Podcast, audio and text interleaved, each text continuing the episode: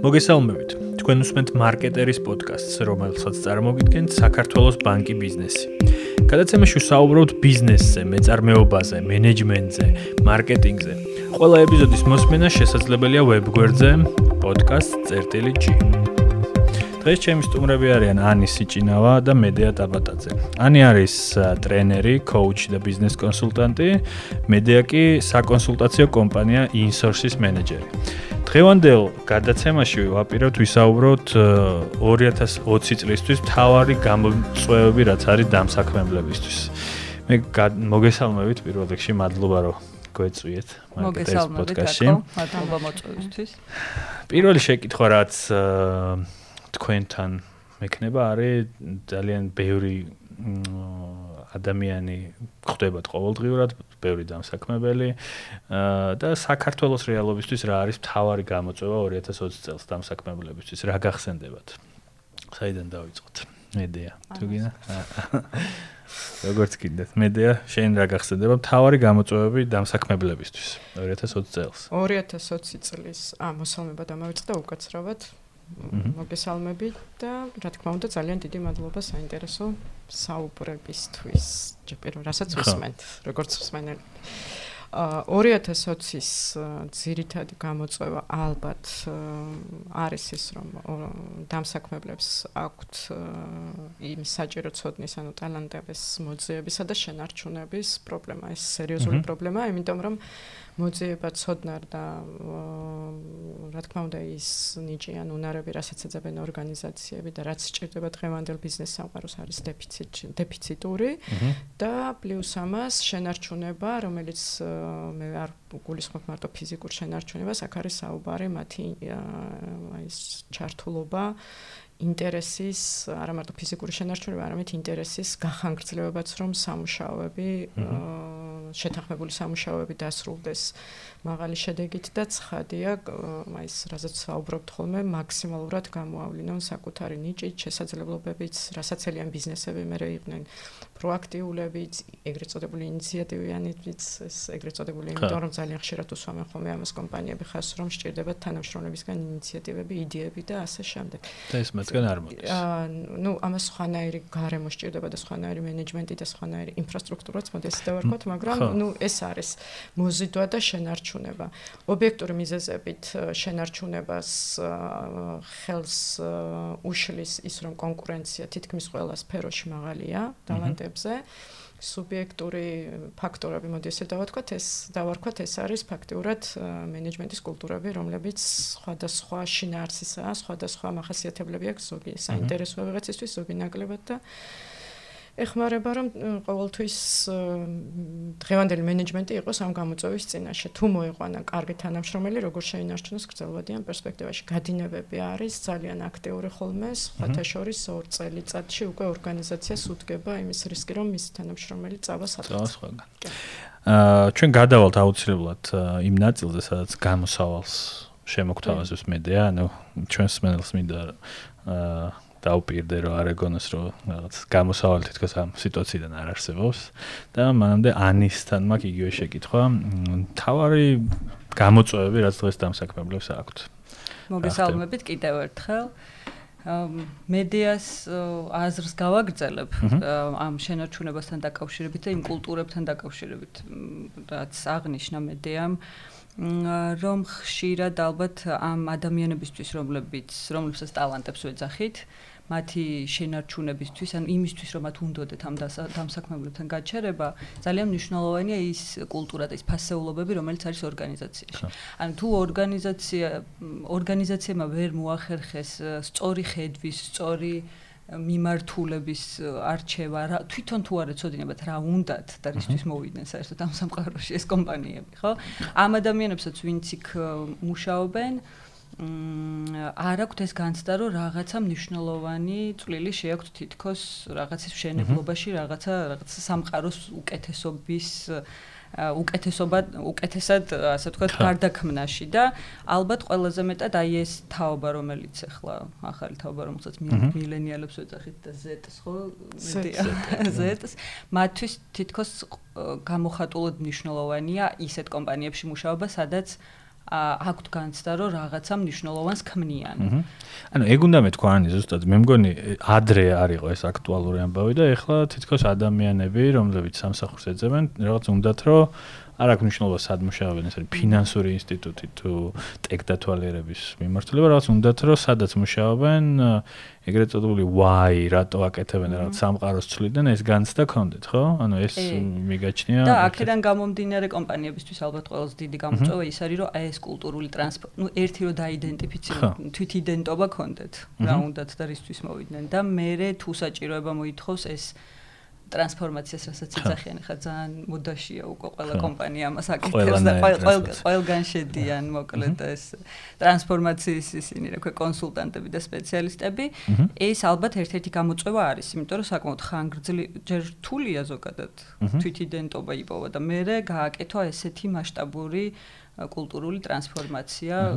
და აი გამოსავლის ნაწილზე რო გადავიდეთ, შენ როგორც ტრენერი, კოუჩი, ბევრ ორგანიზაციას უწევ კონსულტაციას, ხო? ამ შემთხვევაში რას ურჩევდი ამ ადამიანებს, რომლებსაც წლები აქვს ბიზნესი, აქვთ საშუალო მცირე ზოგ სტარტაპი, ზოგ შეიძლება დიდიც კი და ჩვენ ალბათ გვახსენდება კონკრეტული ორგანიზაციები ასეთ დროს და ისინი გაოცებულები უყურებენ თანამედროვე დასაქმების ბაზარს.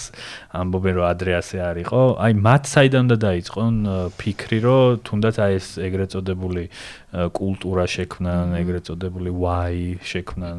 ანუ ყველა ორგანიზაცია შეიძლება ეს გამოუვიდეს რომ და მე გაგიზიარებთ ახლა ჩემს პირად გამოცდილებას, რასაც ახლა ვაკეთებ სადაზღვევო კომპანია ალდაკში.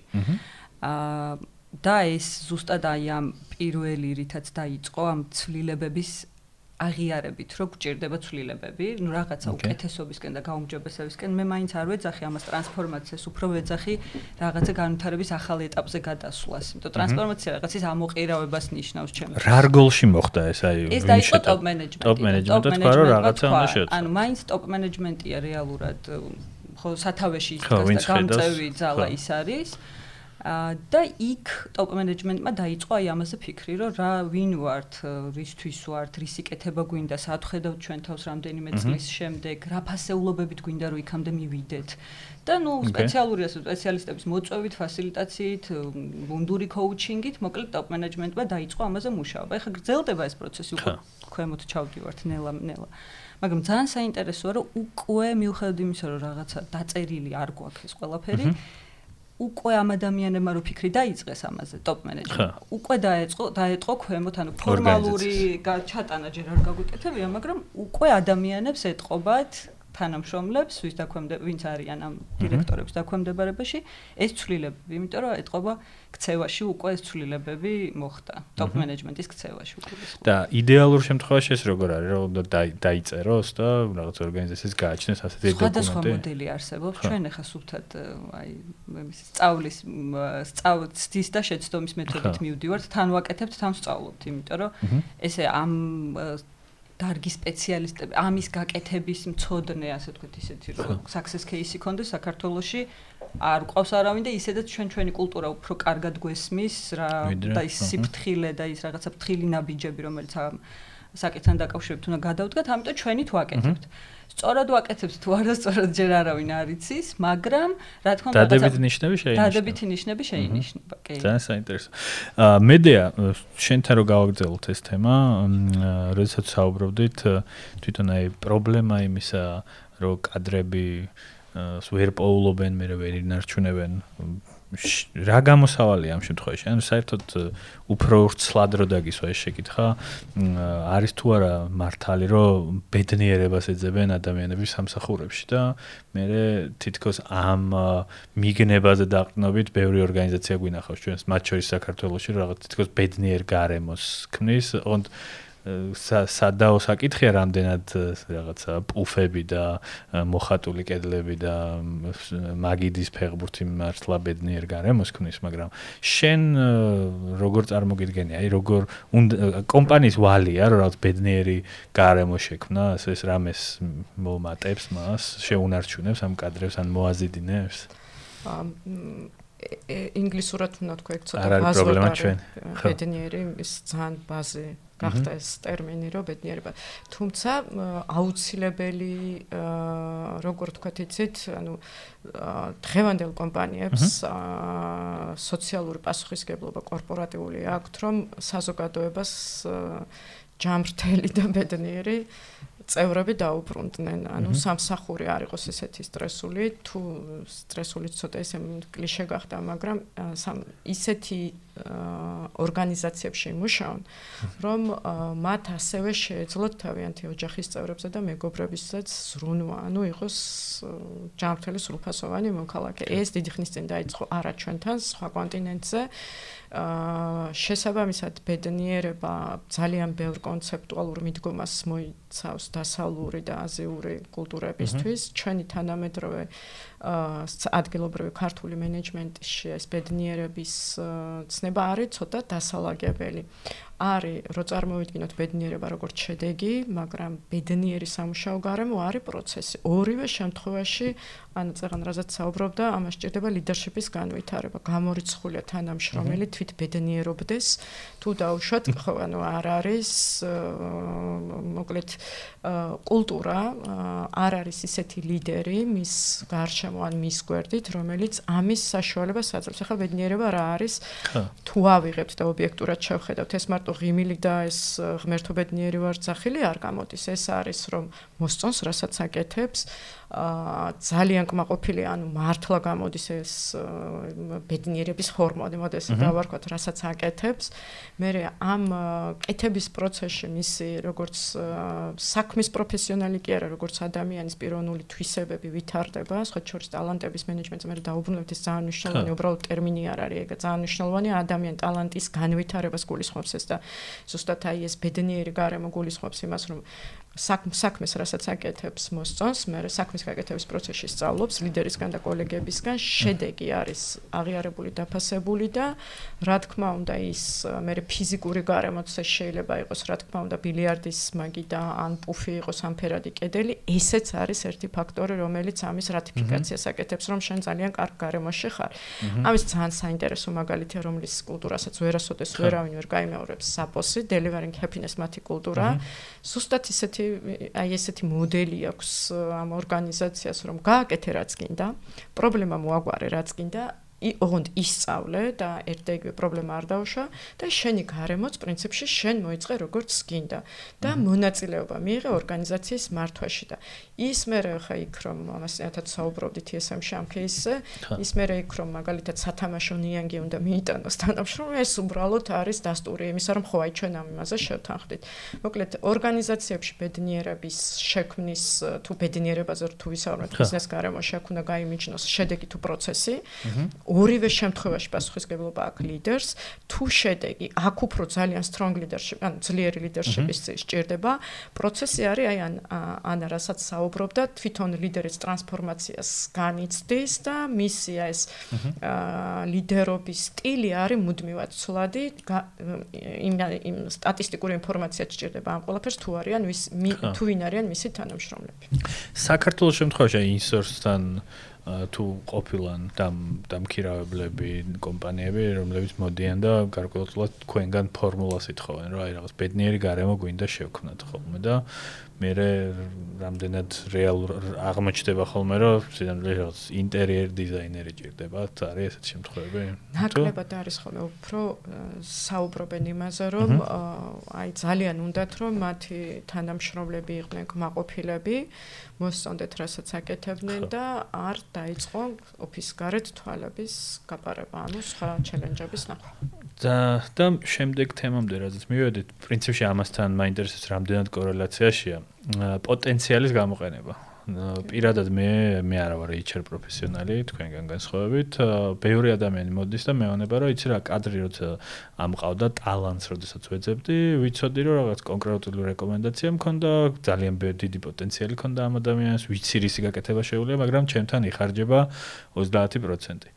გვაქვს ჩვენ რაღაცა ეგრეთ წოდებული ბიზნესმენების შეკრებაც ხოლმე ნაწილი არ არ ვიძახი რომ მთელი საქართველოს იქ ვართ მაგრამ აქ აი თითქოს стереოტიპია რომ ეს ბიზნესის მეპატრონები ამბობენ რომ კი ბიჭო მაგრამ კადრი რაღაც შენთან მაინც 20%-ით იხარჯება რა. ანუ შენ რასაც იზამ შენი საქმისთვის ის იხარჯება 20% თქვენ რა გამოცდილება გაქვთ, რა არჩევები გაქვთ, როგორ მოახერხოთ დამსაქმებლებმა, როგორ უნდა მოახერხოთ დამსაქმებლებმა, რომ ამ ორგანიზაციაში დასაქმებული ადამიანის სრულ პოტენციალს იყენებდეს, ანუ რაც შეუულია, რაც თქვენ ახსენეთ, ახლა თქვენ თან რომ რაღაც ახალი ინიციატივით გამოდიოდეს, მე ამას ასრულებდეს და whatever დამოკიდებულა, რაც გინდა მოსვლია, არ კონდეს ორგანიზაციაში. ანით.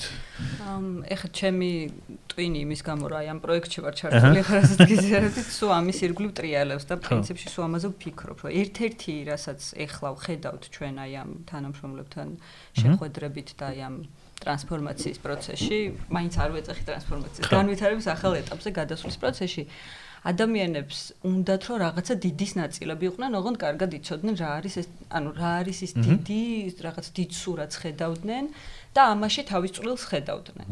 აა ეხა ბუნებრივია რომ რაღაცა პოზიციები არსებობს, სადაც ყველგან არ არის ყველგან ვერ იგრძნობა ეს წვლილი, იმიტომ რომ შეიძლება ძალიან მნიშვნელოვან საქმეს აკეთებს, მაგრამ არ ჩანს, ანუ ხელშესახების შედეგები არ აქვს, იმიტომ რომ რაღაცა რუტინაა, მაგრამ სინამდვილეში მისი საქმე საბოლოო ჯამში ძალიან დიდ ხარდაჭერას უცხადებს ბიზნეს ძირითად ნაწილს. ხო ეს სერვის დეპარტამენტები როგორიც არის, HR, IT და ასე შემდეგ.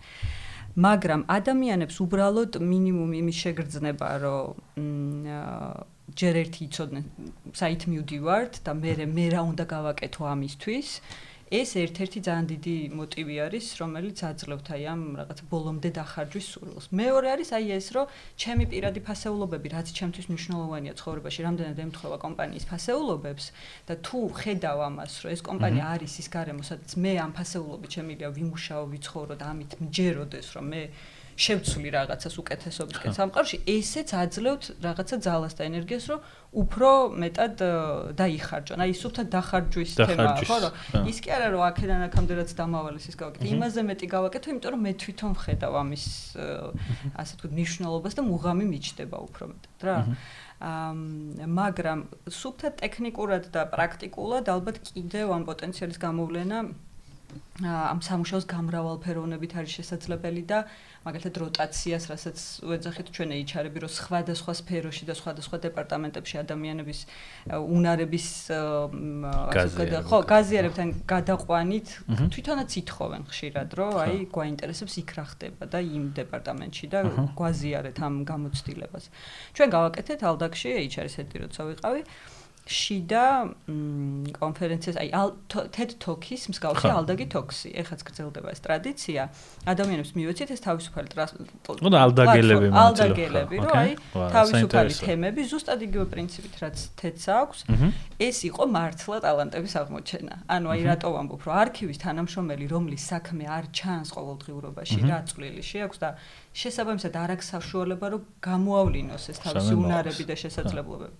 ეს ადამიანი რო დადგა სცენაზე და გამოავლინა მთელი მისი მისი ნააზრევი მისი ხედვა მისი public speaking უნარები და ეს აუდიტორიასთან ურთიერთობა მართლა აღმოჩენები გქონდა და მე იმდენად კარგი ის მოყვა ამას რომ ეს გრძელდება და სულ უფრო და უფრო ჩანან ეს ადამიანები. აქვთ კიდეც სურვილი რომ დაინახონ. თავის მიმართულებაზე საუბრობს თუ უბრალოდ პირველი გავაკეთეთ პირველი შევზღუდეთ თვითონ დაზღვევის თემით და მე უკვე თავის თავისუფა. ეხლა ბოლო თოქსი რაც იყო, იქ ძალიან პირადი გააზიარეს და ესეც ძალიან დიდი ის იყო, იმიტომ რომ როგორც წესი უჭირთ ადამიანებს სამსახურის გარემოში რაღაცა და ძალიან პირადი გამოცდილებები და პირადი ისტორიები გააზიარეს და ძალიან ემოციურიც იყო. ვინც სცენაზე დგას იმისთვისაც მნიშვნელოვანია და ვისაც უზიარებენ ისინი ძალიან ხო, რა თქმა უნდა, ალბათ უფრო კავშირი მყარდება მე რაღაც ასეთ პირადს რო გაუზიარებ. აა შენს კოლეგებს. ძალიან საინტერესო ამბავი მოგვეღავი, მადლობა ამისთვის. მედია იგივე შეკითხვით უფრო კონკრეტულად რო გკითხო, როდესაც ეხ გამახსენდა უბრალოდ ერთ-ერთი დამსაქმებელი, რომელმაც მითხრა, რომ აი პოტენციალსო ბოლომდე რო არიყენებენო, მე ამისთვისო გამოვიყენეო ტექნიკა და მათი თითეული წამი გაწერილი მაქვს, მობილური ჩამორთვევიდან დაწყებული. შენ თუ გაგიცია ასეთი რჩევა, რომ რაც შეიძლება გაუწერეთ დეტალურად რა გააკეთე. და აი შენ როგორ წაახალისებდი ორგანიზაციებში, განსაკუთრებით ეს ყველას ეხება რა, ანუ შემოქმედებით ინდუსტრიას, სტარტაპს, საშუალო ორგანიზაციებს დიც რომ აყავთ ტალანტი, მოიძენ მოიპოვებენ და მე ხედავენ რომ ის ის კადრი 100%-ით არ იხარჯ. შეიძლება უნდა ვეგუებოდეთ, რომ არც არავინ არ დაიხარჯება ჩვენ ბიზნესში 100%-ით. შეიძლება უნდა 80-ით მაინც რა დაიხარჯოს. არა, 80-ით უნდა დაიხარჯოს, 80%-ით დახარჯვა. ეს გულისხმობს იმას, რომ ძალიან ესეთი ზუსტი ღირებულებების, ანუ იდენტური ღირებულებებისას ვერ თქონს გავსე ღირებულებების ადამიანი ყავს გუნდში. ზოგადად როგორ არის იცით რომ ეგ ტერმინი არის ხოლმე საინტერესო თუ ვინმე ამბობს რჩევის რომ აი არის ხარჯება და თავს არავლენს და თითქოს დემოტივირებულია მგონია ხოლმე რომ განყენებულად საუბრობენ და ეს არის იმ ადამიანის პასუხისგებლობა რომელიც დემოტივირებულიც არის და არის ხარჯება. ამას ხო შეჭერდება მენეჯმენტი და იმის ეს რესურსი იქნება თუ უნარები, მაგ მე უნდა ვქირავთ, რომ ეს ყველაფერი ჰარმონიულად გამოვიყენოთ. ანუ მე რაც მჭირდება, მისი საჭიროებაც გახდეს და ამ საჭიროებიდან გამომდინარე ორივე ერთად ორივეს პოტენციალი ჩემიც და ჩემი თანამშრომლისაც გამოვლინდეს. ზოგადად აი ის რომ არის ხარჯება და წუთებს გაუწერა ეს ეპოქა წავიდა.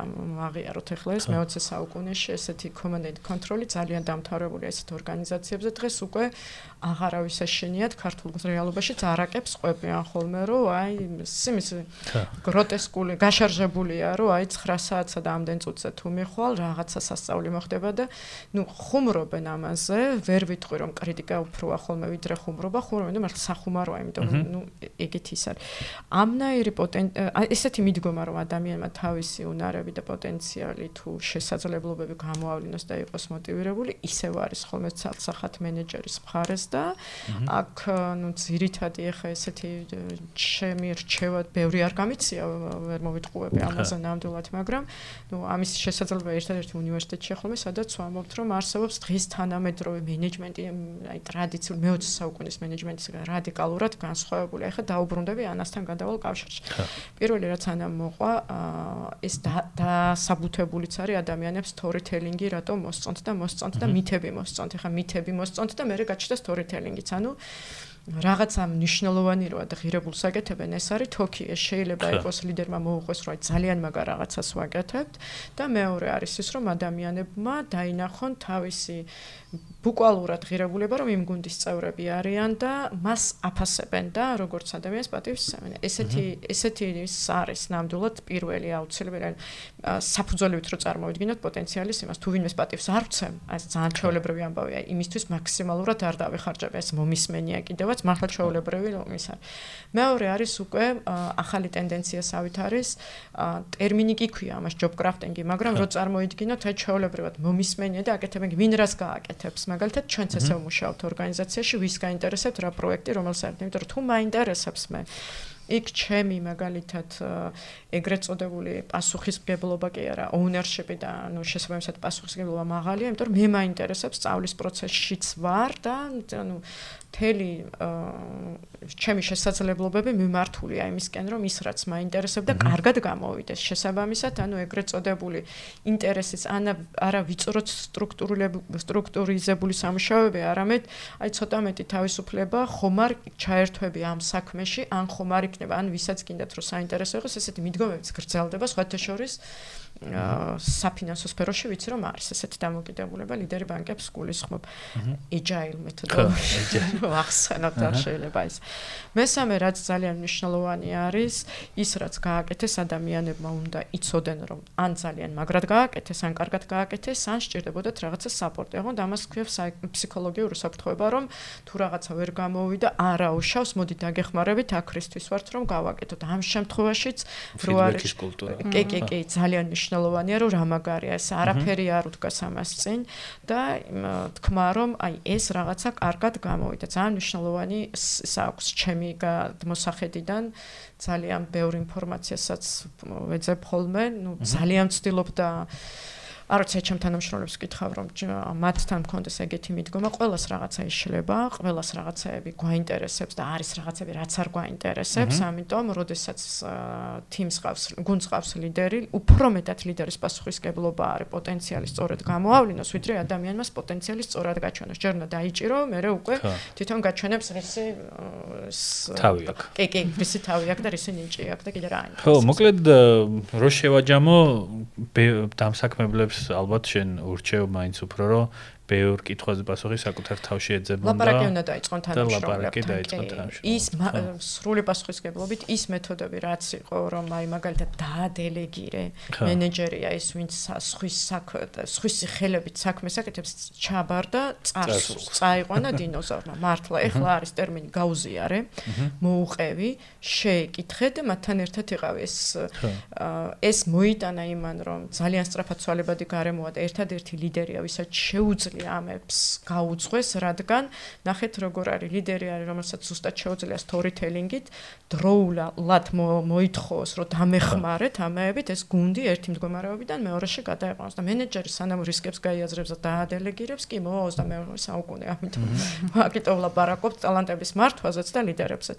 ხა თუ შეიძლება ტალანტებზე ვიტყვი, ტალანტების მართვა არის ძალიან საინტერესო კონცეფცია, ეს არ არის მარტო ტერმინი, ზუსტად იქ ურტყავს, რაზეც ჩვენ საუბრობდით, რომ ყველა ადამიანს რა ტალანტები ბიც აქვს ის სწორად გამოიყენოს და განავითაროს ლიდერმა და აი ამ ტალანტების სწორად იდენტიფიცირებისა თუ განვითარება მაინდა-მაინც ტრენინგი არ არის ხოლმე ეგ თქვენ წარმოიდგინეთ მომავალი ლიდერები გაზარდოს და არც მომავალი ლიდერი არ გულისხმობს იმას რომ მაინდა-მაინც ხანაერი სკამიან სავარძელიან თანამდებობა უნდა ჰქონდეს ყველა თიმში არსებობს ოფიციალური არაოფიციალური არაოფიციალური ლიდერი და ლიდერია ის ადამიანი ვინც შეიძლება მაგალითად მე სტატუსით მენეჯერი მერქვას ოფიციალურად, მაგრამ გეტყვის რომ მოდი ესე ვცადოთ, სითამამე რო აქვს ხოლმე და შეიძლება ამ პრობლემიდან გამოვიდეთ და ნუ უკეთესი შედეგები მივიღოთ. ამნაირი უნარების განვითარებაზე არის ძირითადად საუბარი. ტალანტების მართვა არის ძალიან საინტერესო კონცეფცია, შედარებით აჩერებს დენადობასაც, იმიტომ რომ ზუსტად მიმართულია იმისკენ რომ ადამიანებს. თუ რამე ნიჭი აქვს სწორად გამოიყენოს ორგანიზაცია. მუჩუალის არის ორქრივად სასარგებლო შედეგი და პატარა ორგანიზაცია სადაც რომელსაც არ აქვს ფუფუნება რომ რაღაც ყავდეს HR მენეჯერი ამ შემთხვევაში ეს უნდა იტვირთოს ლიდერმა დიდ ორგანიზაციებშიც ძალიან გაიზარდა მენეჯერის HR კომპეტენციები აუცილებელი პირობა გახდა. არსებობენ უკვე ტიტულია hiring manager-ი coach-ი უნდა იყოს მენეჯერი იმის რა ქვია იმას ტრენერიც უნდა იყოს მენეჯერს სტორიტელერიც უნდა იყოს ასე რომ ყველაფერი აი ნერვების პატრონიც უნდა აი ნერვების ყველას პრობლემას ხრის და პლუს ამას მე აი ანა რასაც აკეთებს ახლა ტრანსფორმაცია სჭირდება იმიტომ რომ ეგ სკილები მე სულ გჭირდება იმიტომ რომ ახალი თაობა მოგდეს და ისინი სხვა ენაზე საუბრობენ. დავამატებ აი ძალიან ხშირად ეხა ხო ძალიან პოპულარულია ეს რაღაც work life balance-ის თემა, რომელსაც ითხოვენ აი ეს ახალი თაობა, განსაკუთრებით ეს დისტანციური მუშაობა, იმიტომ გახდა ესეთი მნიშვნელოვანი. თუმცა ამ work life balance-ზე ძალიან ხშირად მომისმენია, რომ მარტო ორ კომპონენტს განიხილავენ ხოლმე, სამსახური და ოჯახი.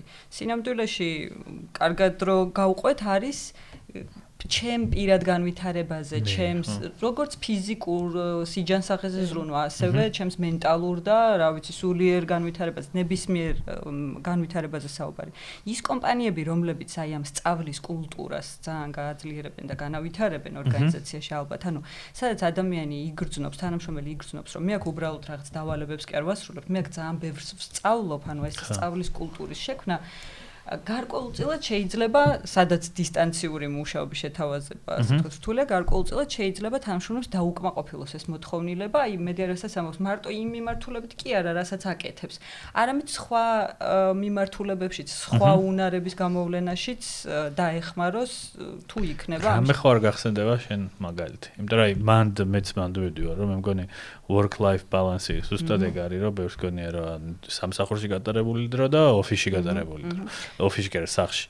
და ამ დროს ხშირად იგნორირებულია მე, რაღაც ადამიანის ჰობი, ის რომ რაღაც სწავლა უნდა და და თუნდაც რამე ალდაკში ხო არა გაქვს ამ პროექტში რომ ახლა მაგალითად აი ჰობიზე გამახსენდა რომ გვაქვს ბორდ გეიმების კლუბი, სადაც თანამშრომლები იკრიბებიან, ვისაც უყვარს ბორდ გეიმები და იკრიბებიან და სულ სხვადასხვა დეპარტამენტებიდან არიან შეკრებილები და თამაშობენ. ეს რა დროს თამაშობენ?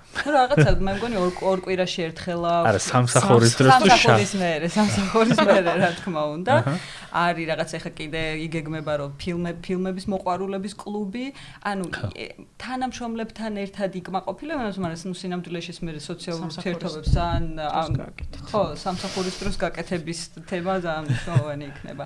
გარდა ამისა თვითონ აი ამ მეზეზრუნვა პიროვნულ განვითარებაზე თანამშრომლების პიროვნულ განვითარებისთვის ხელშეწყობა, რასაც ახლა ეს კოუჩინგი აკეთებს იდეაში და ერთ-ერთი პროექტი ეს გვაქვს, რომ ადამიანებმა არა მარტო უნარები გამოიმუშაონ და ისწავლონ როგორ აკეთონ, არამედ რა უნდათ, რა არის მათთვის მნიშვნელოვანი, ანუ პიროვნული ეს როლი შენ გაქვს ხა შეთავს, ანუ შეიძლება ორგანიზაციას ყავდეს კოუჩი, რომელიც ამდენ თანამშრომელს არა, ერთი კოუჩი არა. მე კონკრეტულად ტოპ მენეჯმენტზე, ტოპ მენეჯმენტის პიროვნულ და ლიდერული განვითარების მიმართულებით ვმუშაობ ახლა, რა თქმა უნდა, და დაქირავებული სპეციალისტების დახმარებით, მაგრამ ანუ იდეა რომ სად ვართ და სად გვინდა მივიდეთ, რომ ეხა რა მოცემულობა გვაქვს და რა არის ის იდეალური ხატი ლიდერის, სადაც გვინდა რომ მივიდეთ და ამისთვის რისი განვითარება გვჭირდება, როგორც უნარების თვალსაზრისით, ასევე საკუთარ თავში ეს self awareness-ის გაზრდის თვალსაზრისით.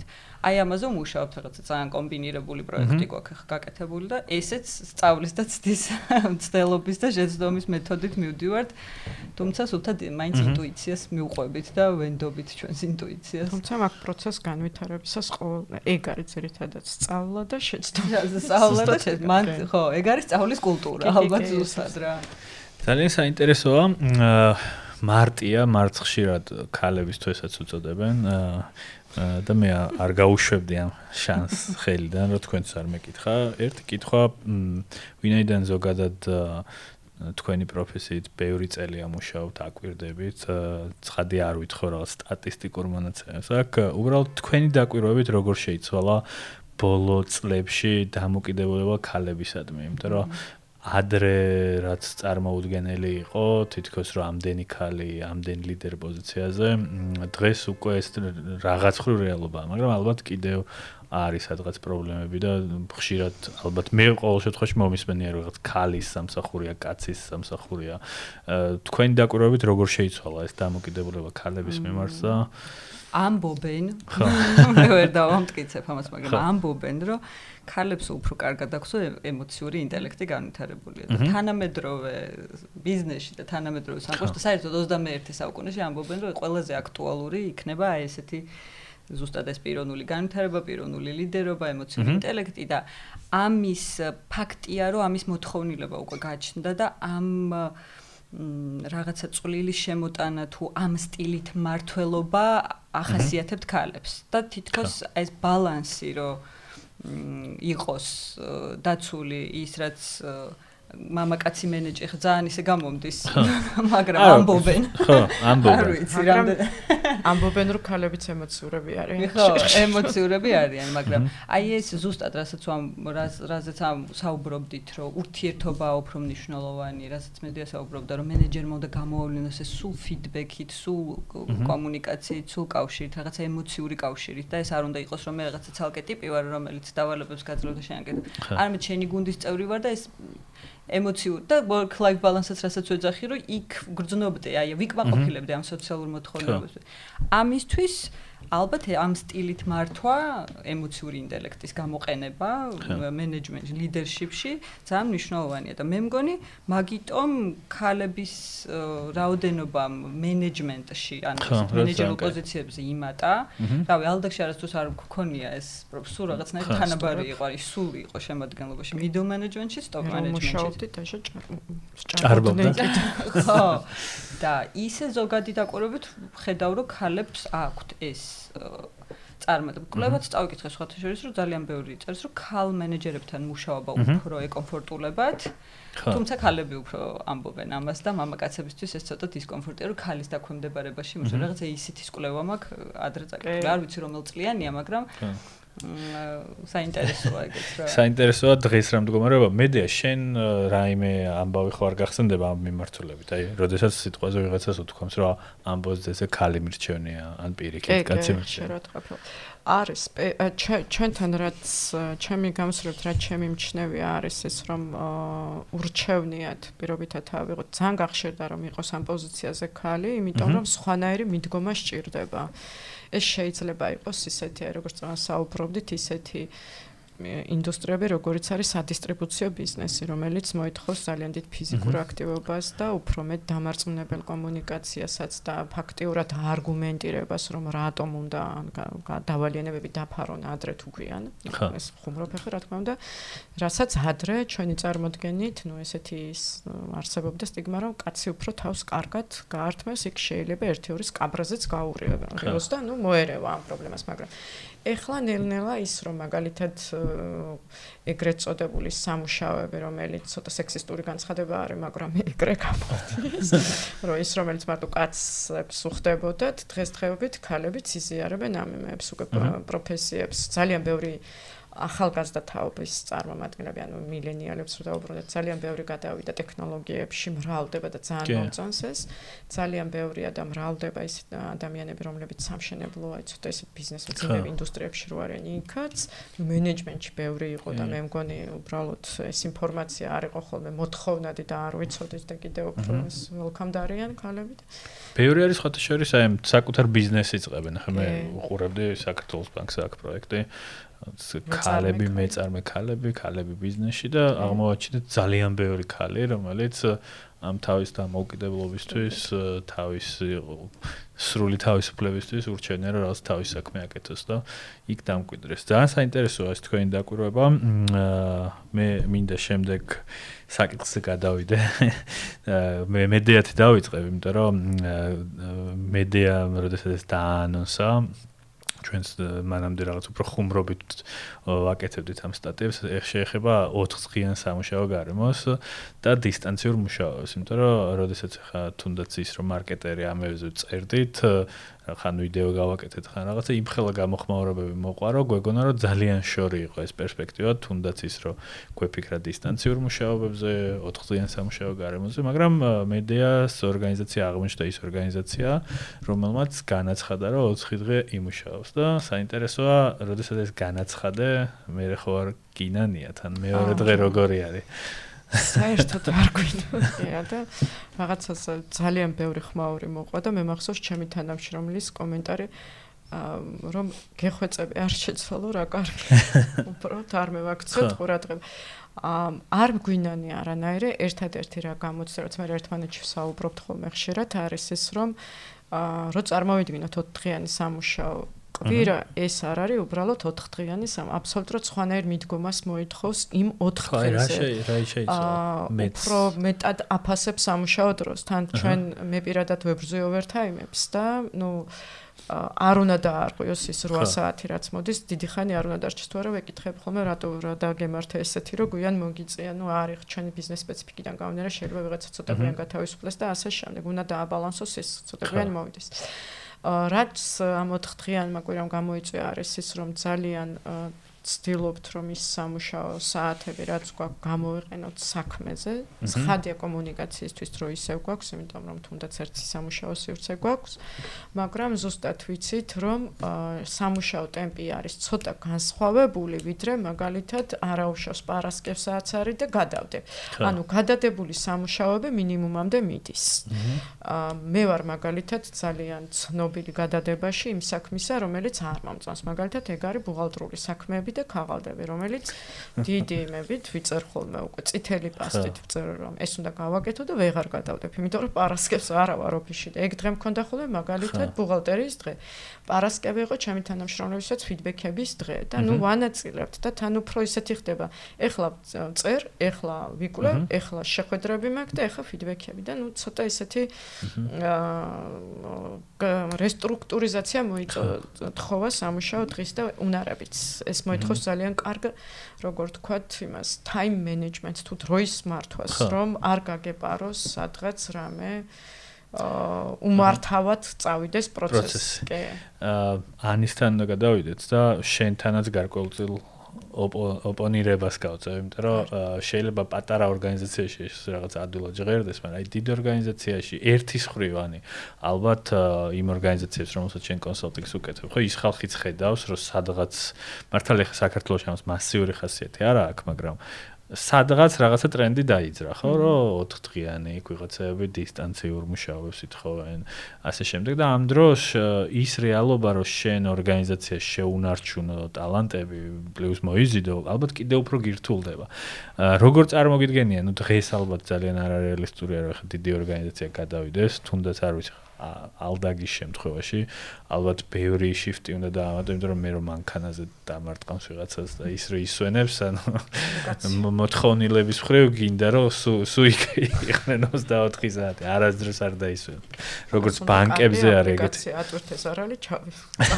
ხო, არა, რა თქმა უნდა, ალბათ ტექნოლოგიის როლიც გაიზრდება, მაგრამ აი შენ როგორც უკვე კონსულტანტი ხო ამდენი ორგანიზაციის როგორ უყურებ აი ეს როგორ შეიცვლება ეს ყველაფერი? ეხლა მეც ვერ წარმომიდგენია რომ აი ეხლა მოცემულობაში მაგალითად ალდაგიან კიდე რომელ კომპანიებსაც ვიცნობ დიდ ორგანიზაციებს შეძლონ ასეთ 4 დღიან სამუშაო აა კვირაზე გადასვლა თუმცა რაღაცა ალტერნატივებს ვთავაზობთ. ან არის პოზიციები, სადაც მართლა ეხლა მოცემულობით როგორც არის ორგანიზაციის სტრუქტურა მოწყობილი, იქ ვერ მისცემ ამ საშუალებას, რომლებიც რეალურად ფრონტში არიან, ვისაც კლიენტებთან უწევს შეხება და რომლებიც სულ ასე ვთქვათ კონტაქტზე არიან გარესამყაროსთან. არის პოზიციები სადაც თქვა შეიძლება უფრო შემოქმედებითი, უფრო რაღაცა თავის თავზე დამოკიდებული სამუშაო აქვს, იქ ესე ოფიციალურად შეიძლება არ ვეუბნებით რომ 4 სამუშაო დღე არის, მაგრამ იქ უფრო შედეგზე ორიენტირებული, რომ ან შედეგი უნდა დადოს და რამდენ დღეში დადებს ამ შედეგს, ანუ რა რა დროს დაახმარს. ამას ეს მისი თვითმენეჯმენტის საკითხია.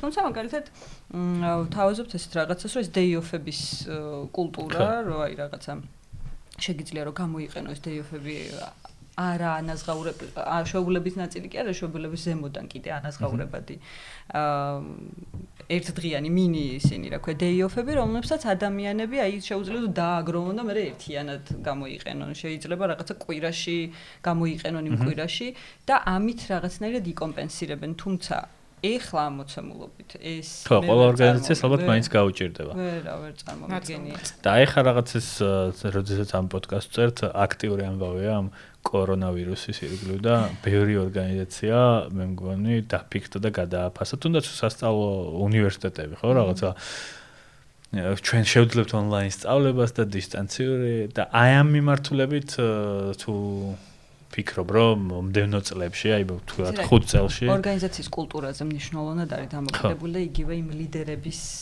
განწყობაზე ანუ თუ ჩვენი კულტურა, აი მაგალითად ალდაგის კულტურა არის შრომის მოყარე, მიღწევაზე ორიენტირებული პროფესიონალების გუნდი, ანუ ეს ეს ფასეულობა თუ ძალიან მნიშვნელოვანია და თვითონ როლ მოდელი დირექტორების და ლიდერების სახით არის ის, რომ ისინი ძალიან ბევრს მუშაობენ და ისინი გვიანობამდე არიან და ეს არის კარგი ტიპობა.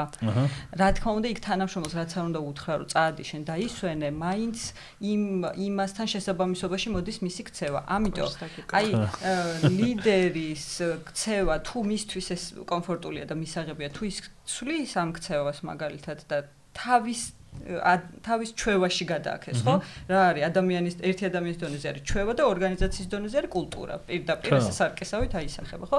მაშინ ეს უკვე ცვლილებები შესაძლებელია, მაგრამ ამისთვის მზაობა არის საჭირო რაღაცა ფსიქოლოგიური მზაობა და რაღაცა აი ამ კულტურაზე გადაწყობა და გაბედვა.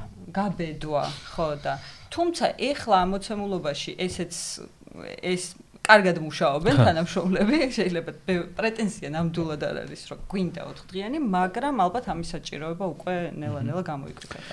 ძალიან საინტერესო და ბოლო ჩემი შეკითხვა, რომელზეც თქვენი პასუხები მაინტერესებს, ეს არის უშუალოდ რომ გადავიდეთ ტალანტების მხარეს, ეს ადამიანები, რომლებმაც საკმაოდ, არ ვიცი, ან დაჯილდოებული არიან რაღაც ნიჭით, ან ძალიან ბევრი იშრომეს განვითარდნენ და მაინც რო ბედნიერები არ არიან, რას ეძებენ ეს ტალანტები? დარწმუნებული ვარ, ორივეს მოგმართავენ. აი რო წერენ რაღაცნაირ სამსახურს რო ეძებენ. რას ეძებენ? ანუ მათი მხრიდან რა არის ხოლმე? აი როგ წერენ ან მესიჯს ან გირეკავენ დარწმუნებული ხდებიან ხდებიან რომ რჩევა მიიღონ შენგან სად მირჩევ ისა აი რას ეძებს დღეს? რას ეძებენ ალბათ ესე პასუხი არ მაქვს ამაზე მაგრამ ძალიან საინტერესო დაკვირვება მაქვს აი ამ coaching session-ებზე როცა ვცდილობთ ხა მაგალითად ერთ-ერთი ტრენინგ პროგრამა მაქვს ხანგრძლივი რომელსაც სანამ ამ ტრენინგს დავიწყებთ ვუტარებ მოსამზადებელ coaching session-ზე ვეკითხე რა გინდა ამ ტრენინგისგან მოდი გავიგოთ რა გინდა რა ძალიან ხშირად ადამიანებმა იციან რა არ უნდათ? და რო ეკითხები, ოკეი, ეს არ გინდა. ეს რო არ იყოს ამის ნაცვლად რა გინდა და რა გინდაზე პასუხი არის ძალიან რთული მოსაძებნი და აი მთელი წიახსულები საკუთარ თავში და საკუთარ პიროვნებაში რა მინდა იწება ძალიან ტკივნეულია და რთული. ანუ მართლა განსაკუთრებით ხა ახალგაზრდებში ძალიან ცოტა შემხვედრია რომ აი ხა ზუსტად იცის რომ ბუნებრივია ალბათ თელი ცხოვრება ვეძებთ ამას რა გვინდა.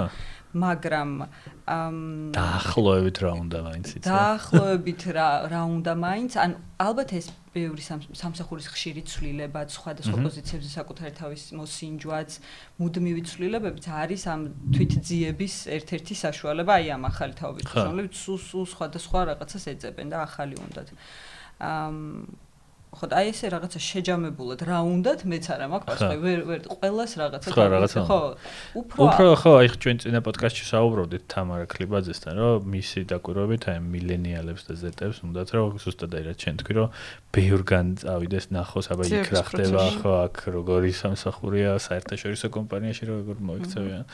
საინტერესოა მედეა შენ რა შენ რა სიტყვი შენთანაც მედეაზეც არის ლეგენდები რომ თუ კი სამსახურს ეძებ მედეას უნდა მიწერო აუცილებლად ჩვენ გვაქვს ეგ ჩემთვის რამე ხო არა გაქვს მედეას ხო წერე რო გაიფით რა უნდა რას ეძება აა პირველი რაც არის აუცილებლად უნდა თქვა ეგ აღმოვაჩინე კი არა წავიკითხე აღარ მახსოვს. მე მგონი financial financial-ში იყო რომ financial times-ში რომ 21 საუკუნეში ადამ თითქმის უმეტესობა ახალი თაობა თუ Z-ია თუ Y-ია ეწებს. ანუ ძიების პროცესი ეპოქა ეგეთი, ანუ რომ დავაკვირდეთ მე მგონი ხით მეც თუ თავს დავსვათ კითხოს მეც ჯერჯერობით ძიების პროცესი კიდევ რა მაინტერესებს, იმიტომ რომ ნუ ამ დამახასიათებელი ყოფილა, იმიტომ რომ პერიოდია ზო ტრანსფორმაციული.